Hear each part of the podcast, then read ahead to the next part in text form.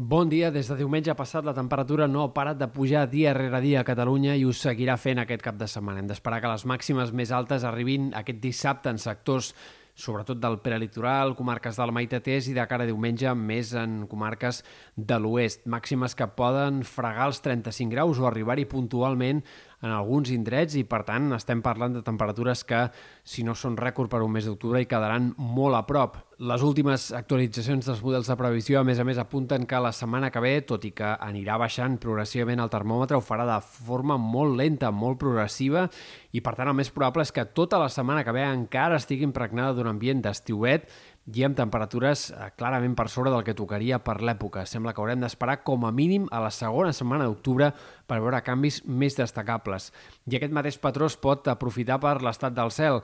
Avui pot haver-hi alguns núvols baixos a l'Empordà aquest matí de divendres, però en general el sol predominarà i els dies vinents eh, continuarem amb aquest temps totalment estancat, predominat pel sol i com a molt amb algunes boirines matinals poc importants. La setmana vinent començaran a arribar alguns sistemes frontals poc actius, entre dimarts i dimecres més núvols prims, on serà una mica més tapat al Pirineu, quatre gotes a la serralada, però tot plegat sembla que seran coses ben poc importants. En aquest cas també haurem d'esperar com a mínim a la segona setmana d'octubre per veure algun tipus de precipitació una mica més destacable i que pugui afectar eh, doncs, diverses comarques o com a mínim amb una mica més d'intensitat sectors del Pirineu.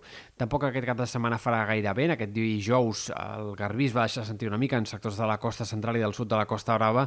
Avui més aviat tendirà a perdre intensitat i de cara al cap de setmana tampoc serà especialment protagonista.